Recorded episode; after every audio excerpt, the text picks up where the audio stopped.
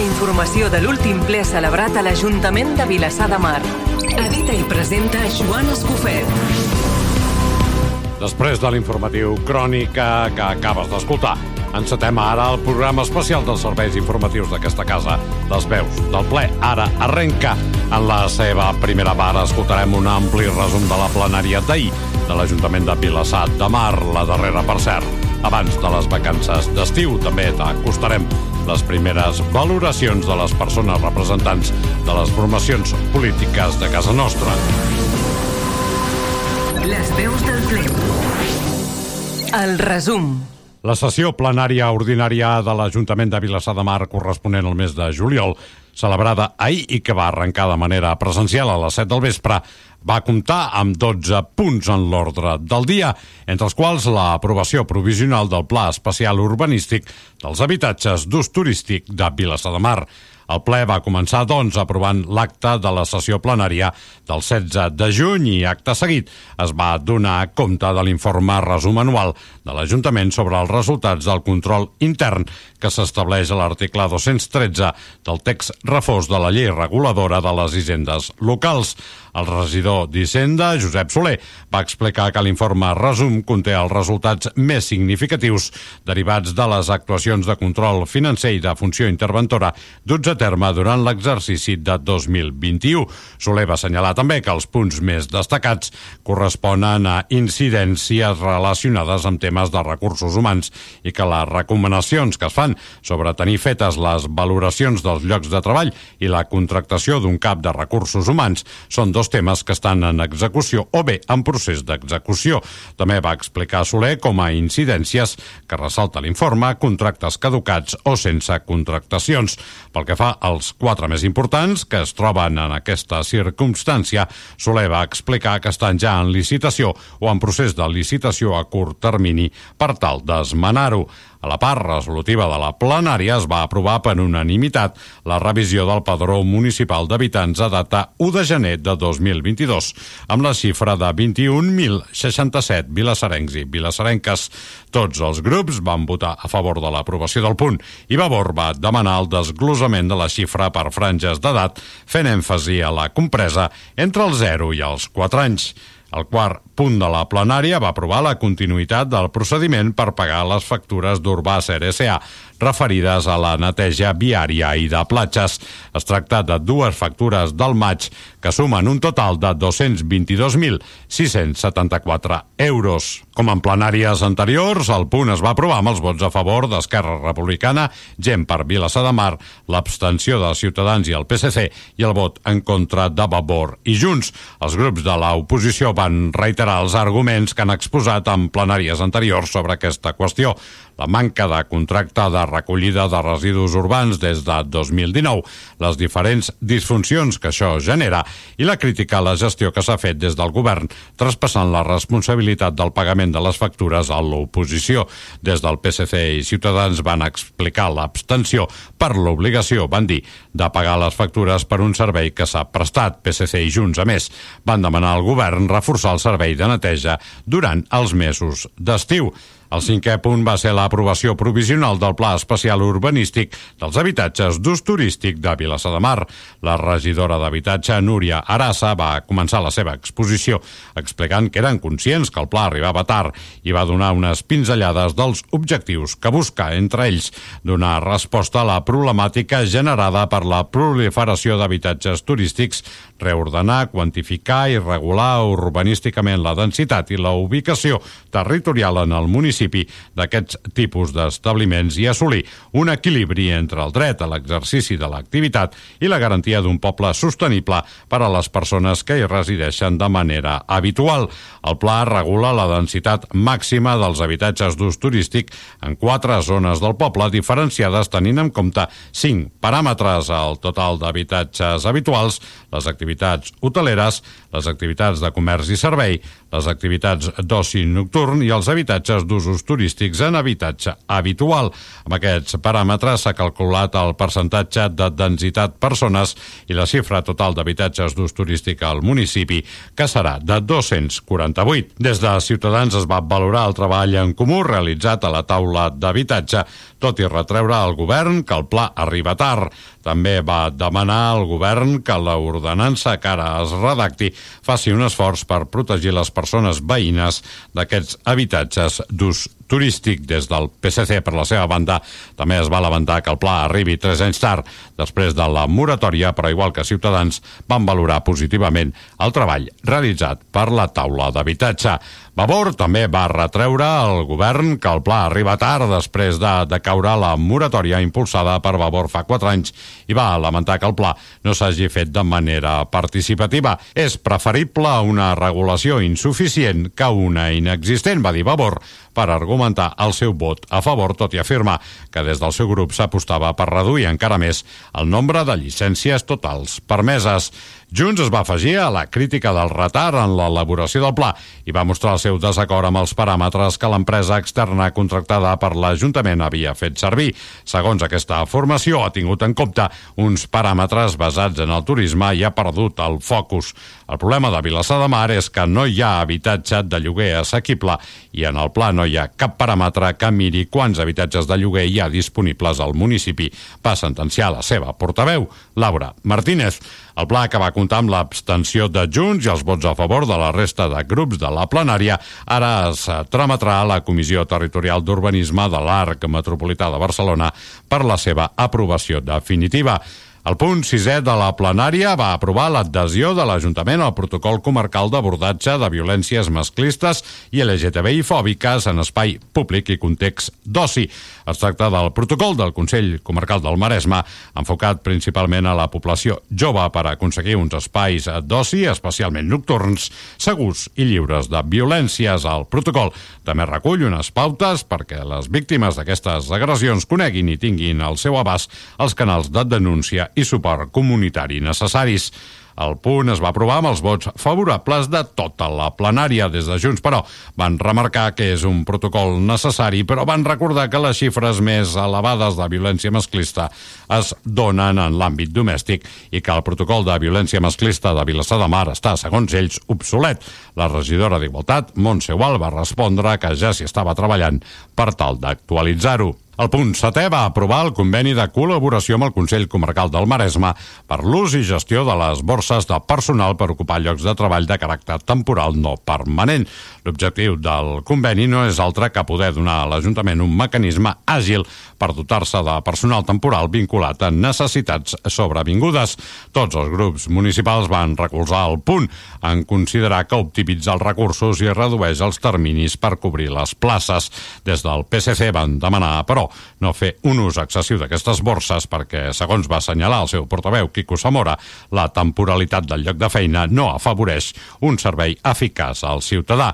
El punt vuitè va aprovar la modificació dels preus públics de les escoles bressol municipals per a la prestació dels serveis complementaris per al curs vinent en l'etapa d'infantil 2, d'aplicació a partir de l'1 de setembre d'enguany. La proposta aprovada només afecta l'etapa d'infantil 2 perquè l'anunci de gratuïtat de la Generalitat en aquesta etapa no contempla els serveis complementaris. El punt es va votar amb l'esmena de suprimir la quota de berenat de 2 euros per dia inicialment proposada proposada. Així, amb l'esmena acceptada per tots els grups, la modificació dels preus públics es va aprovar amb els vots a favor de Junts, Vavor i Esquerra Republicana, gent per Vilassar de Mar i les abstencions de Ciutadans i el PSC. Tots els grups de l'oposició van ser crítics amb el govern amb la forma com s'havia gestionat aquest tema que no havia obtingut el vistiplau de les famílies en el Consell del Patronat d'Escoles Bressol. Des de Ciutadans es va ser crític amb el govern per no parlar amb els grups de l'oposició. Des del PSC es va demanar fer un Consell del Patronat d'Escoles Bressol perquè el govern expliqui què cobria fins ara la quota que pagaven les famílies d'infantil 2.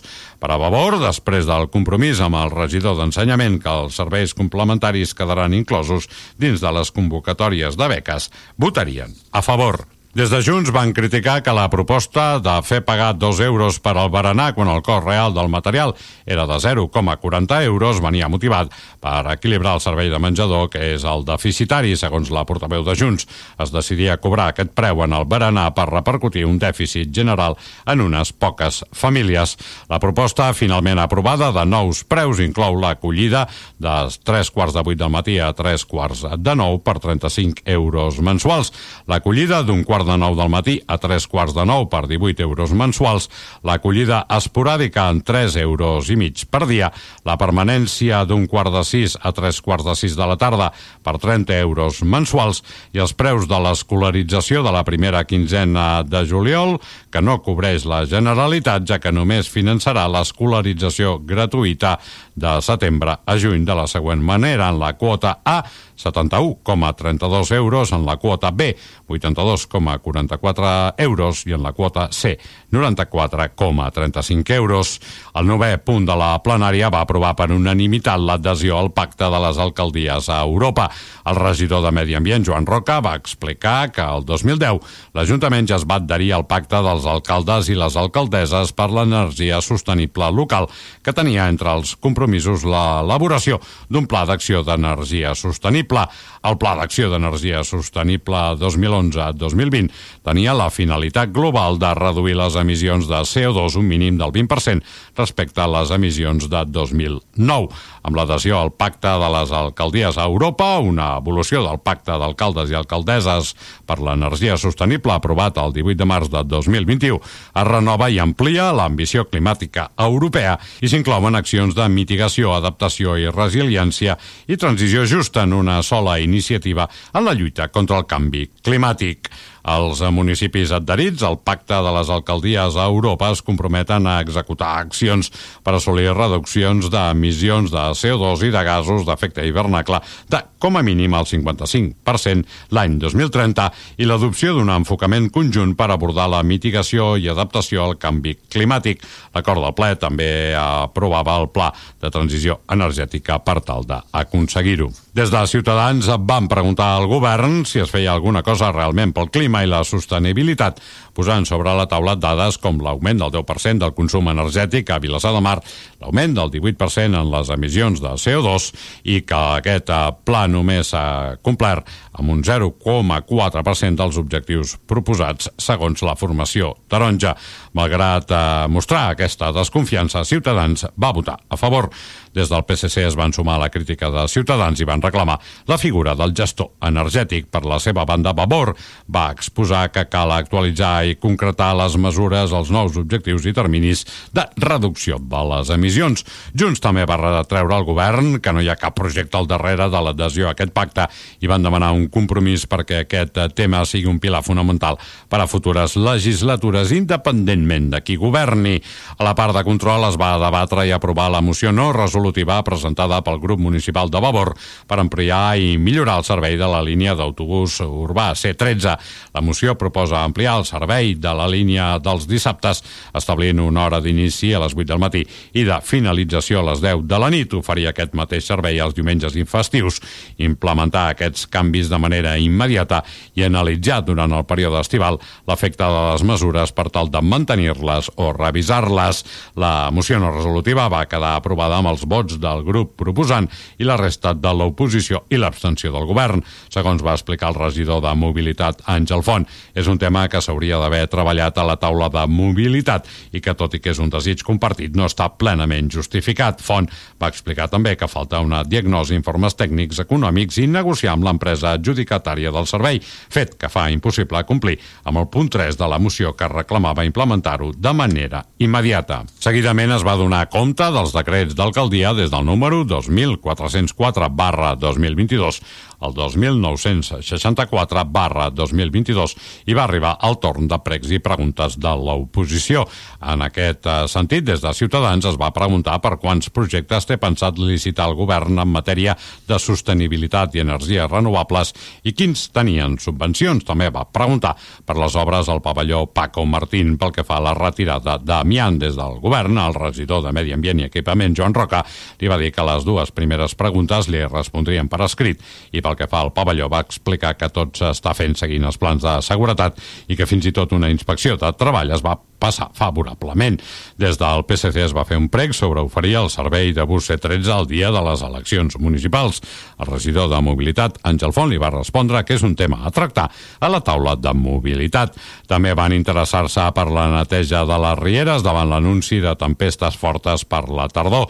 El regidor de Medi Ambient, Joan Roca, va respondre que, tot i que és un tema a competència de l'Agència Catalana de l'Aigua, des de l'Ajuntament històricament es fa escalat de canyes de la riera i que en el darrer contracte de licitació d'aquest servei fins i tot es va augmentar. Des de Vavor es van interessar per la neteja de l'Escola del Mar després de la festa major, donat que el recinte acollia el casal d'estiu per la convocatòria dels propers pressupostos participatius per si existeix un protocol de prevenció per onada de calor entre els treballadors municipals i també per als de les empreses externes que donen servei a l'Ajuntament. També van preguntar per l'arbrat a l'obra de plataforma única de l'Avinguda de Montevideo i pel futur del contracte de la concessionària de la Zona Blava. Pel que fa als pressupostos participatius, la regidora de Participació, Montse Gual, va explicar que intentarien complir els terminis previstos sobre el contracte de la concessionària de la Zona Blava. Josep Soler va dir que s'estava negociant amb l'empresa i que, per tant, encara no hi ha data de finalització del contracte. Des de Medi Ambient, Joan Roca va explicar que davant l'onada de calor hi havia hagut instruccions als caps d'àrea i caps de les empreses externes de fer pauses i hidratacions del personal i sobre l'arbrat de l'obra de l'Avinguda Montevideo va explicar que els quatre arbres que s'han tret tenien les arrels molt en superfície i no estaven ben arrelats perquè el subsol d'aquella vorera està molt ple d'instal·lacions de servei. La solució presa, va explicar, passa per reposar els arbres en superfície mitjançant jardinera en comptes de plantar-los directament al subsol. Des de Junts vam preguntar per quan estava previst arreglar el paviment i tancat de la pista poliesportiva esportiva de Jeroni Anier. El regidor d'Esport, Jordi Tàpies, va respondre que el dilluns 25 de juliol s'iniciaven les obres com a prec van demanar entomar la figura del gestor energètic. Finalment, en el torn de paraula obert al públic, una persona es va interessar per conèixer els projectes de plaques fotovoltaiques previstos pel govern i el regidor de Medi Ambient el va emplaçar a serveis territorials per ensenyar-li i explicar-li en detall. Les reaccions. Després d'aquest complet i exhaustiu resum, arriba el moment ara de donar veu a les persones representants de les formacions polítiques al nostre Ajuntament. Elles, ara les escoltaràs, resumeixen de viva veu i des del seu prisma, des de la seva òptica a la plenària ordinària d'ahir. Com sempre, amb ordre de menor a major representació, desgraciadament, i per motius professionals, el regidor de Ciutadans, Juan Díaz, no ha pogut avui atendre la nostra trucada, malgrat haver esperat fins a tancar edició. Partit dels Socialistes de Catalunya. Per part del PSC, el seu portaveu, Quico Zamora, valora el ple com a tranquil i amb aroma estiu. Diu, tot i això, en destaca l'aprovació del pla d'habitatges turístics després de 3 anys i lamenta un cop més i, segons ell, la manca de transparència del govern a l'hora d'aprovar els preus de l'escola Bressol de titularitat pública de Vilassar de Mar. Escoltem-lo. Ahir vam tenir un ple bastant tranquil, ja amb ambient de vacances. Eh, vam aprovar el Pla Especial Urbanístic dels Habitatges Turístics després de tres anys eh, per fi s'ha preparat el pla que serà la, el necessari per redactar l'ordenança que reguli aquest, tipus, aquest tipus d'habitatges al nostre municipi també vam aprovar els preus públics de les escoles bressol municipal que no hauria de ser més, més polèmic si no fos per la manca de transparència i claretat amb la presentació de, del tema per part dels regidors. S'ha vist obligat a retirar l'increment de 2 euros pel berenar als nens, que no era res més que una pujada encoberta del, del menjar, del, del menú del menjar de migdia, i davant del la rebuig de pares i el resta de l'oposició s'han vist obligats a retirar aquesta proposta. Una mala gestió del tema que eh, hauran d'explicar i aclarir. I bueno, res més per ara, de bones vacances a tots i fins al setembre. Vavor. Helena López, des de Vavor, resumeix la plenària centrant-se en la moció no resolutiva que van proposar, que perseguia allargar l'horari del bus urbà C13 els dissabtes per la tarda i també els diumenges. No els va agradar la resposta del govern. Volem destacar els següents punts del ple d'ahir. En primer lloc, l'aprovació de la moció presentada per Vavor per reclamar l'ampliació dels horaris del bus urbà a les tardes dels dissabtes i també els diumenges i festius amb el vot favorable de tots els grups de l'oposició i l'abstenció de l'equip de govern. Tot i la seva abstenció, la contundent argumentació en contrari per part del govern va deixar ben palès que no tenen cap intenció de fer res per donar-hi compliment. Lamentem la manca de sensibilitat del govern per atendre el que és una necessitat bàsica reclamada per molts veïns i veïnes de Vilassar de Mar. En segon lloc, volem destacar l'aprovació dels preus públics per les escoles bressol pel curs 2022-2023. Finalment, després de les reclamacions de les famílies i dels grups de l'oposició, el govern va decidir retirar de les tarifes els dos euros diaris en concepte de menjador i, a més, a proposta de Vavor, inclourà com a despeses subvencionables de cara al pròxim curs els serveis d'acollida i permanències. Destacar que sense l'organització de les famílies segurament aquests canvis no haguessin estat possibles. I finalment volem destacar també l'aprovació de la regulació dels habitatges d'ús turístics tot i que no estem completament d'acord ni en com s'ha elaborat el pla ni en el seu contingut, entenem que el límit màxim de 248 pisos és excessiu, creiem que és una eina imprescindible per, per posar fre a la proliferació de pisos turístics en detriment del parc d'habitatge disponible per viure-hi i que a més contribueix a l'encariment de preus. Uh, per tant, celebrem uh, la seva aprovació com un primer pas per uh, regular regular aquest tipus d'ús dels habitatges. Junts, Vilassar de Mar. Javi Martín, des de Junts, se centra en la problemàtica dels dos euros del berenar de l'Escola Bressol Municipal i celebra que a petició del seu grup recalcar el regidor s'adonés finalment del problema destacar i celebrar que tot i que va costar molt fer entendre al regidor Tàpies la problemàtica que comportava en instaurar la tarifa de 2 euros de berenar no? en, el curs infantil 2 de l'escola Bressol celebrem com comentava que, que hagi rectificat que hagi rectificat sota petició nostra de que, bueno, que la seva proposta inicial era un despropòsit amb una afectació molt gran a poques famílies en lloc de valorar-ne altres sense buscar consensos amb la resta de grups municipals sense saber que tenim, tenen minoria i això va ser des del mes de maig i com aquí qui diu fins última hora no han estat capaços de, de reconèixer que s'havien equivocat i rectificar.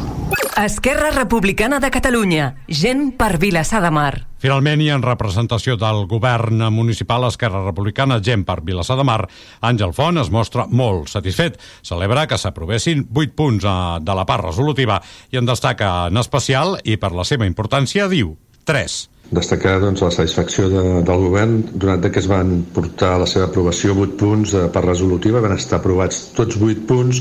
I d'aquests 8 punts destacaria doncs, 3 eh, un seria el primer la, es va aprovar doncs, eh, el pla especial urbanístic d'habitatges d'ús turístic és un pla especial important perquè regula eh, els pisos, els apartaments eh, turístics, especialment divideix Vilassar en diverses zones i estableix un màxim d'apartaments turístics de 248 apartaments, que és un número d'apartaments en relació al total aparca, a, a, vivendes o apartaments de Vilassar de Mar doncs, eh, equilibrat eh, per poder desenvolupar aquesta activitat.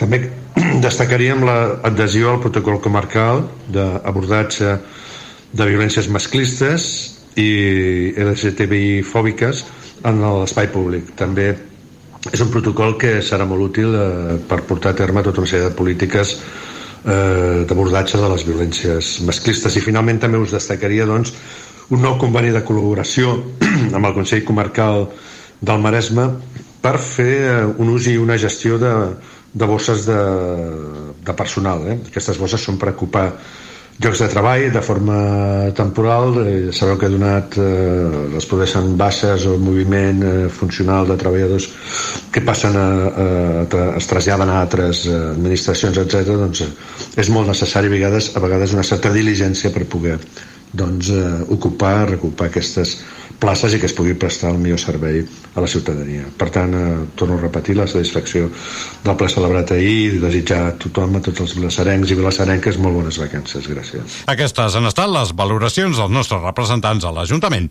just abans d'agafar vacances. Les veus del ple.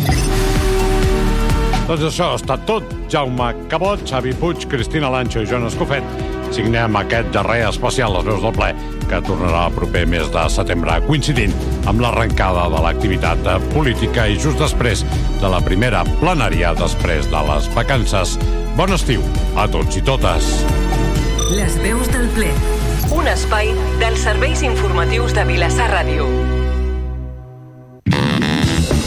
Uns t'explicaran la Fira del Formatge de la Seu d'Urgell, d'altres la del romaní de Montagut. Nosaltres també en podem parlar, però preferim parlar-te de Vilassar de Mar. Delegació Vilassar de Mar, que s'encarrega... Vilassar Ràdio. Escolta'ns per internet a vilassarradio.cat. Què pots fer perquè el teu negoci sigui més sostenible? Millorar la qualitat de l'aire. Minimitza l'ús de desinfectants i controla l'ús d'altres productes químics com fertilitzants, pesticides i pintures. En el seu lloc, intenta utilitzar productes ecològics pel seu menor impacte ambiental. Desplaça't amb vehicles elèctrics o poc contaminants. Fomenta l'ús de la bicicleta com a mitjà de transport. En el cas d'allotjaments, intenta que aquest servei sigui gratuït per als clients.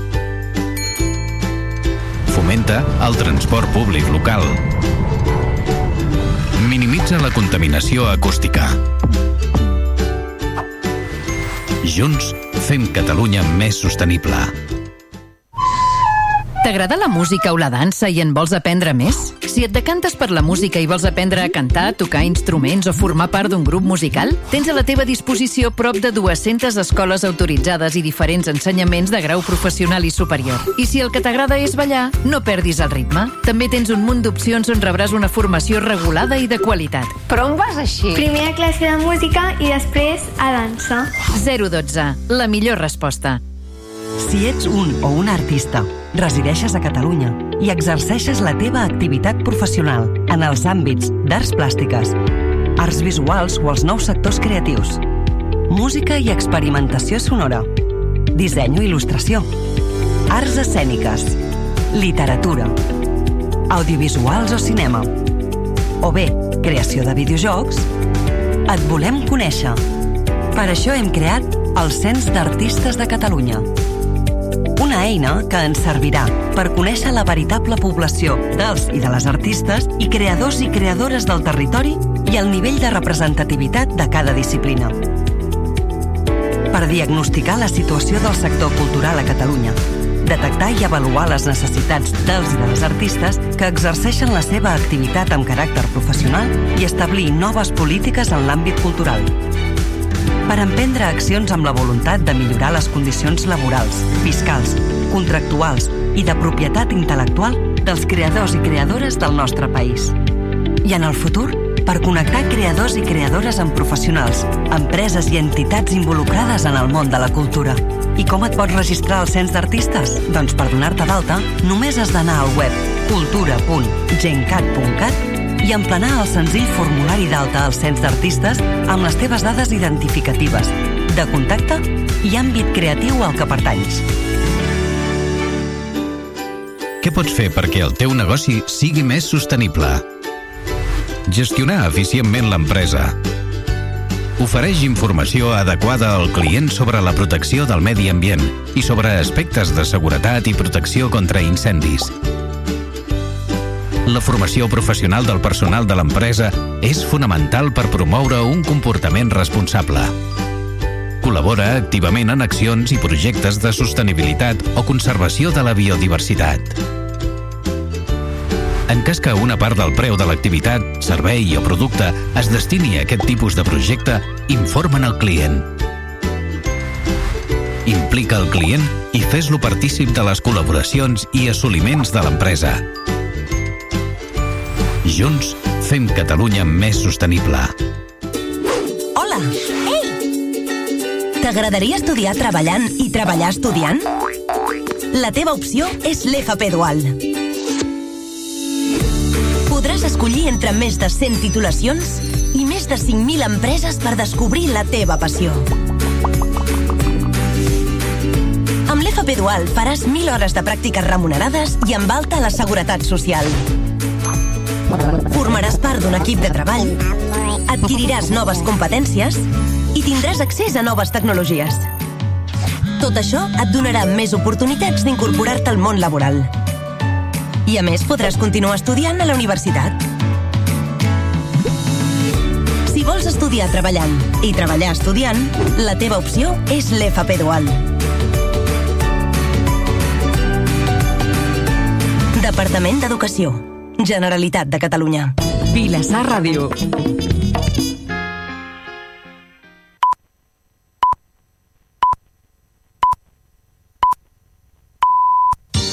Vilassar Ràdio són les 4 de la tarda. Com fer una reclamació?